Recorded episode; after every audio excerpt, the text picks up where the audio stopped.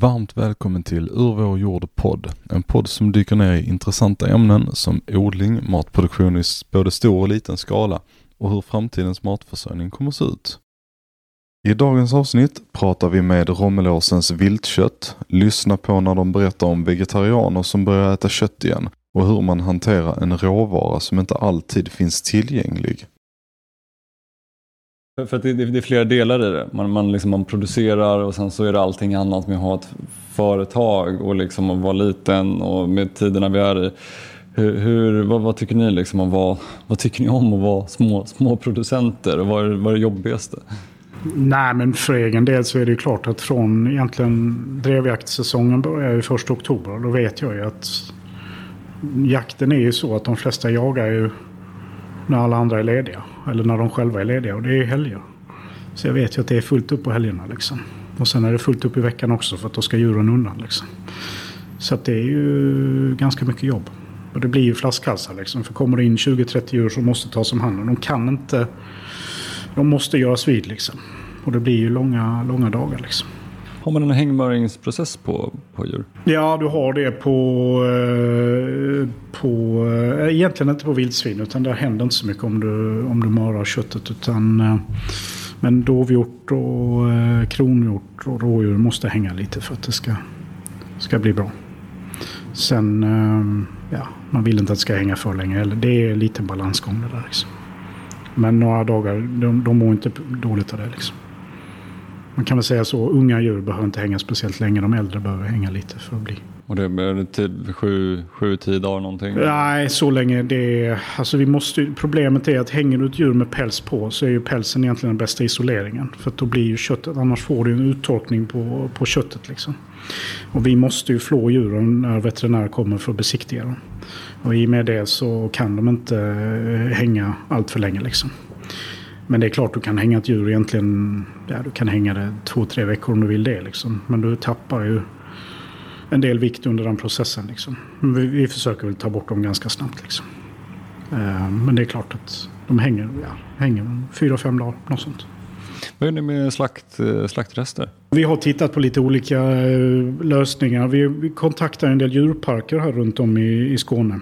Uh, alltså dels skott, eller skottrensat kött, alltså sånt som är tas bort redan tidigt i processen. Eh, och där gick det ju, men sen även det som liksom ben och, och rygg och så liksom. Där, eh, ja, det finns ett visst intresse och vi försöker göra så mycket vi kan av allting liksom. Eh, men det, det har väl varit lite så. Eh, vad, vad händer med det annars? Jag som inte har någon koll alls. Vi har ju tunnor som kommer att hämtas av Svensk Lantbrukstjänst och sen så körs det till förbränning. Okej, okay, då är det en spe speciell liksom, form av avfallssortering? Ja, precis, ja, det är väl, typ heter det, RIS, ja, det är väl slakt kategori 2 tror jag det heter. Och då brän, bränns det typ? Liksom, ja, det bränns. Mm. Det låter som att det skulle kunna vara gödning för mig om man skulle få det i små bitar. Ben, ben, benmjöl är jobbigt att ens få tag i nu för tiden. Det var lättare med både få alltså så här, eh, fågel, eh, fjädermjöl kallar man väl det för och benmjöl. Eh, men nu, nu är det tufft att få, få tag i benmjöl. Ja, ben kan du få hur mycket du vill av mig. Alltså, det är ingen problem alls. En, en, enda problemet med benen är hur jag ska få dem till små bitar för att de ska kunna extraheras i jorden sen. Eh, jag, låt mig suga lite på den så hitta en Du är så välkommen att hämta med hammare, hammare eller blender eller någonting för, för att kunna göra någonting av dem. Men, men det där är verkligen en sån typ av resurs som... Eh, ja men det är ju så. Alltså, man jobbar ju liksom lite, har du skjutit ett djur så får du försöka ta användning för, för det är ganska mycket som kastas liksom när man ska följa Livsmedelsverkets regelverk. Eh, och vi försöker ju liksom hela tiden att vi har ju engagerat oss lite mot hundägare också. Liksom, att de kan ta, eh, det är ju sånt som visserligen är godkänt. Det är inte, inte avfall i sig. Men alltså så här läggar och så liksom, till hundben. Och sen är det ju djurparkerna. Liksom. Vi tycker det är vettigare att det används i någon form. Än att det bara kastas och eldas upp. Liksom. Jag tänker man för hund, hundägare, eh, bland, bland annat jag. Men det finns ju hundägare som verkligen bryr sig om sina hundar. Liksom. De vill ha det bästa, bästa tänkbara och få liksom ett speciellt ett dovhjortsben. Som ja, det har varit väldigt uppskattat när vi ja, har delat ut det. Ja, det, är det är ju till, framförallt till större hundar ju, för det är ganska rejäla ben. det är lite, lite större ben. Min, min lilla franska bulldog hade alltså inte... Eh... Ja, Det ska nog gå bra det med. Ja, okay. Hitta ett litet ben Det är lite på. kött på också så att det är ah, okay, något att gnaga av. Liksom. Ja, men då, då, då blir de eh, nöjda och glada. Brukar han, han, han, brukar bli helt galen när han väl får det där. Eh, oavsett vilket ben så är det som att han, eh, det kommer någon sån här varginstinkt i, i honom. Eh, så jag, jag brukar faktiskt Sitter låta... någonstans långt bak. Men... Långt, långt, långt bak. Men när benen kommer fram, det, då, då, då kommer, det, kommer det också fram. Eh, om ni, ni hade, alltså finns det någonting som ni hade liksom velat ta upp i det ni håller på med? Med alltså eh, jakt eller liksom, finns det någonting som ni går och grubblar på eller liksom eh, många producenter som, som jag, vi snackar ju alltid så mycket skit om ICA. jag tycker, jag tycker att i, i, ICA, nej men, alltså så här, livsmedelsproducenter och hur de prissätter och hur de marknadsför och liksom hela, hela den biten. Liksom. Men, men fin, fin, finns det någonting som ni, ni går ibland och liksom drar er själva i håret eller säger fan den där eller? Ja, för jag kan väl känna ibland, liksom, det är väl egentligen samma sak med grönsaker. Jag kan känna att momsatsen kanske skulle vara lite annorlunda. Alltså det är bara en jätteliten grej egentligen. Men det hade ju varit... Eh, varför inte skicka den signalen liksom? Varför ska det vara 12 procent? Hade det inte kunnat vara lite lägre i alla fall? För min del då. Alltså jämfört med konventionellt kött. Jag känner... För att gynna liksom ja, lokalproducenter. Ja. Och småskaligt liksom. Alltså på något sätt vilt. För det är ändå ganska så litet klimatavtryck. Och det är ganska schysst liksom på alla sätt och vis. Ja, eh, någonstans hade... en samhällsinsats också. Ja, det hade jag kunnat känna, liksom, en sån liten grej. Jag har absolut inte lobbat för det, men det är något jag bara tänker på så ibland. Liksom. Hur upplever ni annars alltså inställningen till den här typen av eh, alltså viltkött och uppifrån, om man säger så? Ja, det är ganska komplicerat. Alltså, vi har ju Livsmedelsverket ovanför oss. Och de, eh, alltså, de har ju sina deviser att jobba efter. Och det är klart att men det är ju samma sak där. Du kan ju inte riktigt jämföra med ett konventionellt slakteri. Liksom. Så det, är ju, det blir ju, kan ju bli, det, eller det, jag kan väl säga så, vi är ganska små liksom, om man jämför med många andra. Och det, ibland när de kommer ut och pekar med hela handen då kan man känna att om du läser från en lagbok liksom, som inte riktigt är anpassad till vad vi... Alltså du vet, man kan inte sätta in en, en lokal man inte själv äger. Då kan man inte investera liksom, hur mycket pengar som helst för att det och det ska uppfyllas. Liksom, utan då får man ta någon lite enklare lösning. Eh, där kan jag känna så. Myndighets... Alltså, eh, hela den biten hade kanske kunnat vara lite mer flexibel om man säger så. Det känns som att det är flera som känner exakt samma. För att det är samma, samma regelverk som går på de som är Oavsett hur stor du är så är det, så är det samma bok som appliceras på, på alla. Eh, och samma där med gris, grisproducenterna, att de hade bara ett par, par stycken. Liksom. Men, men då är det som ett stort, eh, liksom, stort slakteri som de ska utgå ifrån och ta tester och grejer. Liksom. Och det, det kostar tusentals kronor. Det gör ju det. det ja, det, det kanske ligger i samma, samma sits där med liksom, att det kostar också. Mm. Ja, det kostar ju att ha dem där liksom springande. Och jag menar Vet, alltså det är ju så med all verksamhet. Vill du hitta fel så är det klart du kan göra det. För det är de slutändan någon som bestämmer. Så man måste ju på något sätt vara ganska foglig när de är på besök. Och det är ju, det är ju på ett sätt bra. Men på, ja, det kan, bli lite, det kan bli lite konstigt liksom. Det slår ju lite snett liksom mot oss som är små. Det känns, det känns också generellt som att det, borde, det finns inte så mycket hjälp uppifrån Nej. för, för, för liksom små, små producenter alls. Alltså det, det, det är svårt att ens, liksom, vem, vem ska man eh, för, för, att ens få vägledning, för att man ska få göra rätt? Vem, vem kan jag vända mig till? Liksom Nej, jag, de, jag... de svarar inte på frågorna när de är på plats. Sitter de på om man har eh, revision eller något sånt och man frågar men uh, hur ska jag göra där? Nej, jag kan inte svara på det. Du vet svaret men du kan inte svara på det för att du, du får liksom inte hjälpa varken mig eller den största producenten och då är du hellre tyst. Och det, det blir lite konstigt liksom. Mm. För att om du, om du hade haft ett intresse av att saker görs på ett bra sätt så hade du öppnat käften liksom. Det är nog De borde ju liksom vara mer en liksom rådgivande, stödjande, hjälpande funktion än på något sätt nedbrytande. När man sitter där och bara, ja, nej, förlåt. Precis, byråkratens främsta uppgift. Ja, mm. lite så. Nej, annars i övrigt när det gäller, jag hade ju önskat att även de större kedjorna, matbutiker då, hade kunnat tänka sig att gynna lokalproducenter mer än de stora liksom, producenterna. För att de har ju ändå schyssta vinstmarginaler på sina produkter de säljer sina matbutiker. Så att när det gäller vissa grejer så skulle de kanske kunna tänka sig att gynna oss lokalproducenter lite mer. att inte ta in från de allra största billigaste. Utan... Det, det, det tror jag i ert fall också, bara ifall det hade börjat finnas er typ av produkt tillgänglig.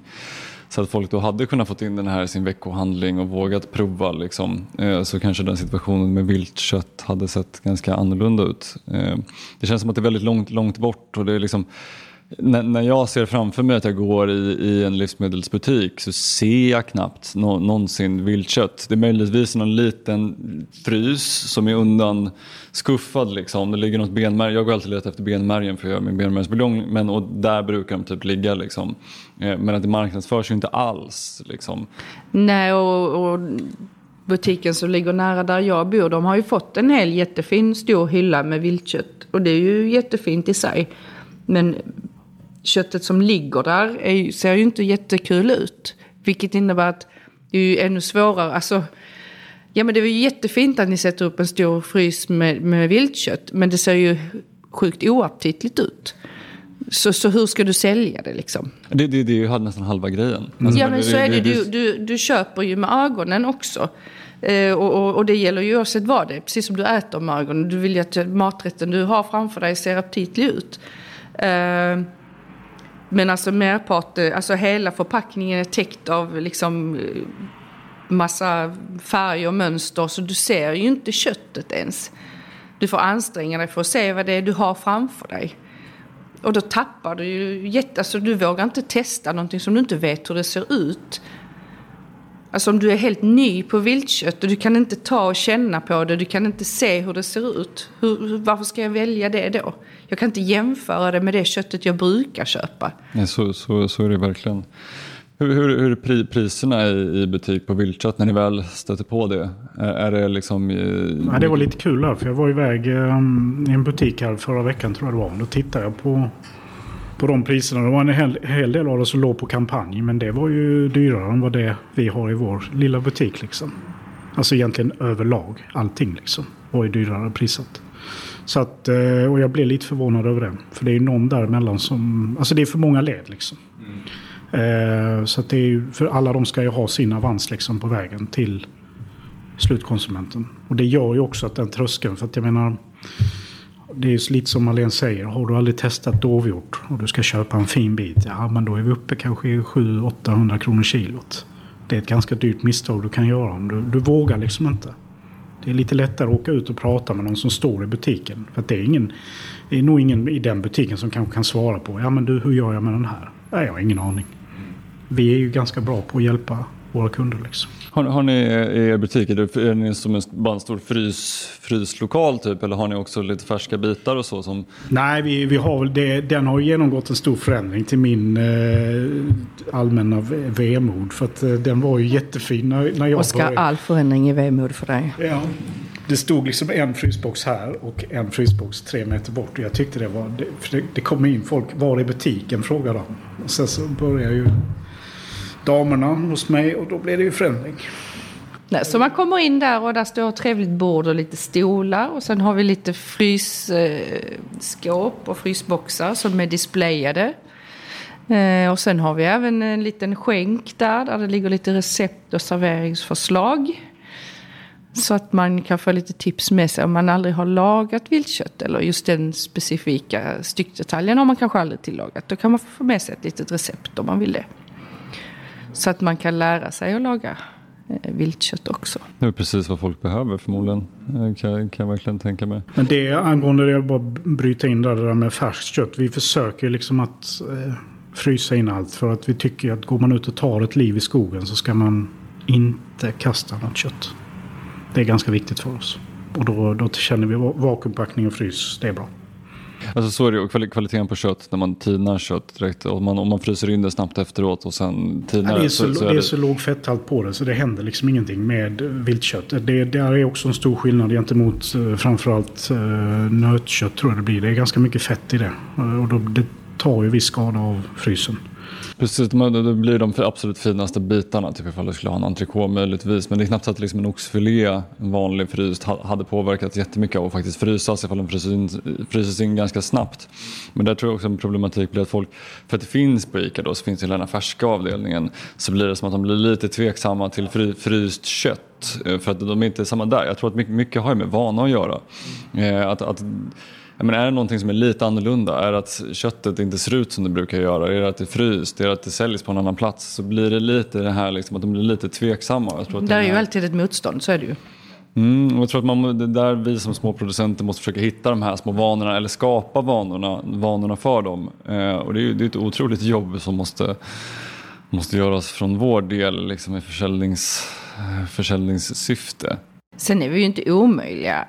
Eh, är det under eh, liksom jaktsäsong där vi har djur hela tiden, om man vill ha fast kött, så kan man ju höra av sig och säga hej, jag vill eh, ha liksom färskt kött som inte har blivit fruset. Jag kommer hämta det i eftermiddag eller imorgon till exempel. Så kan man göra det. Så stycker vi ut de detaljerna och så lämnar vi dem icke frysta. Så att säga. Om ni hade fått välja en, en av era liksom, försäljningskanaler som ni har just nu, alltså mellan butik, rekoring, prenumerationer. Finns det någonting, eller kanske att ni skulle, själva skulle vara i livsmedelsbutiker. Finns det någonting som ni hade liksom valt i så fall, eller någonting som ni hade velat satsa mest på? Jag tror vi tänker olika, men du kan börja svara. Alltså jag vill ju gärna ha mer folk till butiken. Den fysiska butiken. Eh, för att där kan jag hjälpa folk på ett annat sätt. Där har jag tid att stå och berätta och förklara. Jag kan ge tips och recept och så vidare. På ett helt annat sätt än jag kan göra via en webbutik eller vad det nu må vara. Jag tänker inte säga emot henne för jag svarar faktiskt samma sak för en gångs skull. Otippat. Nej men alltså för jag själv, innan jag började jobba här så hade jag ätit kanske viltkött två gånger i mitt liv. Liksom jag kunde, i min uppfattning så att säga, inte laga viltkött. Jag gillade inte det, något speciellt. Eh, men idag så äter vi hemma i princip bara viltkött. Jag köper inte kött i butiken.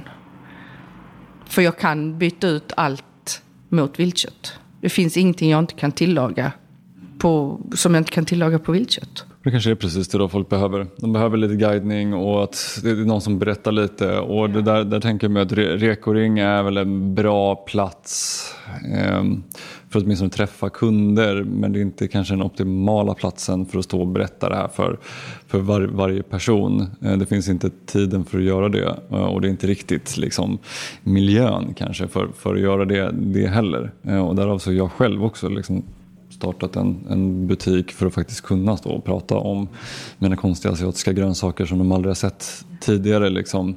För det, det, det krävs liksom ett par minuter och även där, rätt, rätt miljö. Eh, så därför borde, folk borde helt enkelt, och jag borde ta mig till, till er och er butik Eh, för, för du är så välkommen. Jag, jag, kan alldeles för lite. Jag tror, jag tror helt enkelt att de flesta kan alldeles, alldeles för lite. Ja, står du mellan liksom två bitar, om du har nötkött och viltkött och du inte har kunskapen om det ena så kommer du välja nötköttet de flesta gångerna. Det är ju väldigt intressant med de som kommer in första gången. Åh, oh, vi hörde att det fanns en viltköttbutik här. Vad ska jag, vad ska jag ta liksom? Så guidar man dem till så. Jag tycker det är bra och så får man gå igenom tillagningsprocessen. Sen när de kommer tillbaka andra gången, då är det, det är bland det mest det är rätt härligt liksom. Då är man nöjd. Då vet man att då har de lyssnat och de har gjort det bra hemma liksom. För det är liksom inte så. En köttbit, du kan ju sabba den ganska lätt. Om du klantar till det. Och då blir det ju, då blir det ju så. Då får du en dålig inställning till allt viltkött liksom. För det gick ju inte att äta den. Du tänker ju aldrig att, ja men oj, jag la den kanske för länge på järnet. Utan du tänker att, nej det var inte gott. Viltkött var inte gott. Det är aldrig ens egens fel. Nej, det är ju inte det. Det är, det är alltid produkterna, produkternas fel. Ja, men det var intressant. Jag tror att eh, du och jag Gustav, vi måste ta oss eh, till Genarp och eh, se, se, vad det finns för sortiment och prov, prova alla, alla produkter. Eh, eller kanske inte alla, det låter som att det är väldigt många så vi kanske inte kan prova alla, alla, alla produkter. Men, men, men, men jag vill ju helt enkelt veta, veta mer. Och det, för jag kan ju bara tänka mig rent ur liksom ett eh, näringsperspektiv också alltså hur livet de här djuren har haft är liksom optimalt eh, sett från ett djurs liv eh, och jag misstänker hur de rör sig och allting att det är otroligt liksom, näringsrik mat. Så kanske mat som vi i tusentals år som människor är eh, genetiskt vana att, att äta. Liksom. Men, men jag tror att kunskapen, som sagt, min kunskap är alldeles för liten. Så vi får komma och få en liten lektion i... Ni ska få en lektion. Yes. Har ni något eh, typiskt sånt här, eh, det är snart vår, något eh, bra vårrecept med viltkött som ni kan rekommendera att man ska testa för att göra folk sugna? Vår vet jag inte, men eh, när vårsolen kommer fram, du vill knäcka den första ölen på altanen eller balkongen så har vi ju både ölkorv och varmrökt som är fantastiskt och skiva upp och äta till den. Liksom. Bara den liksom färsen. Alltså för att det, är en, det, det är nog den jag, jag tänker mig att jag är mest sugen på att prova. Bara för att det, är ja, det, är, det är väl egentligen det som är det intressanta. För att äter man vanligt, för jag åt innan jag liksom, visst jag åt rätt mycket vilt innan också. Men köper man nötfärs liksom och gör ragu eller något sånt på den. Den smakar ju som den alltid gör. Men har du till exempel vildsvinsfärs, alltså det blir sånt djup i den, i smaken. Som är helt fantastisk. Så att det måste nästan upplevas. Faktiskt. Och det är ja, men nästan... inte bara det. Alltså det är ju, sen är ju smaken som baken. Vissa gillar vildsvin, andra gillar dovhjort. Så är det. uh, men när du steker den i pannan. När du steker en färs eh, från butiken, oavsett om det är eh, gris, nöt eller blandfärs eller vad det nu må vara så får du en eh, oljig eh, konsistens som ligger liksom i botten på färsen. Du ser det oftast ligga i utkanten, liksom lite oljigt. Mm. Det har du ju inte i en eh, uh, viltfärs. Ja, men det här är intressant. Jag, jag, jag gillar sådana standardgrejer. Jag, jag gillar liksom sådana här recept man lagar hemma som det känns som att man är liksom hemma hos morföräldrarna. Liksom. Jag vill att det ska vara en lång gryta. Liksom. Men därför är det färs känns som att folk är väldigt nära till. Och så här, även barnfamiljer och alla gör någonting på färs. Så det, det känns som en bra så här, ingångsprodukt och faktiskt att man, man skulle prova. Ja men ska man prova någonting så prova en färs liksom. Om du aldrig har tillagat någonting så kommer du se att du kan tillaga det precis som vilken fas som helst. Men där är ingen skillnad alls utan det är bara att bränna på. Liksom. Men sen får du ett helt annat djup. Alltså köttet är ju så pass mycket mer smakrikt. Det har ju med sig mineraler och, och järn och så från skogen. Liksom. Och du har också med den här lite, oavsett om man nu väljer dovhjort eller vildsvin, så har det med sig liksom en, en smak av skogen som jag känner ganska tydligt. Och den tycker jag är fantastisk. Jag tycker det är konstigt att det inte är någonting som pratas om mer. För när vi sitter och pratar om det så är min, min värld själva produkten borde vara så optimal. Alltså det är som fribetande kor som har liksom fått, fått gå hur som, hur som helst och rört sig jättemycket. Och man brukar prata om kvaliteten på alla de här boskapsdjuren, hur bra den blir när den får gå vilt och fritt och inte stressad. Och även faktiskt då hur man slaktar eller snarare liksom avrättar djuren. Alltså det, det, det, är ganska humant att göra det med, med en bössa. Fast att det kanske inte låter det för att det är ett vapen och allting. Men, men jämfört med annan typ av slakt så är det ju väldigt humant och förmodligen också väldigt stressfritt. Ja men det är det ju, för de vet ju inte om vad som händer.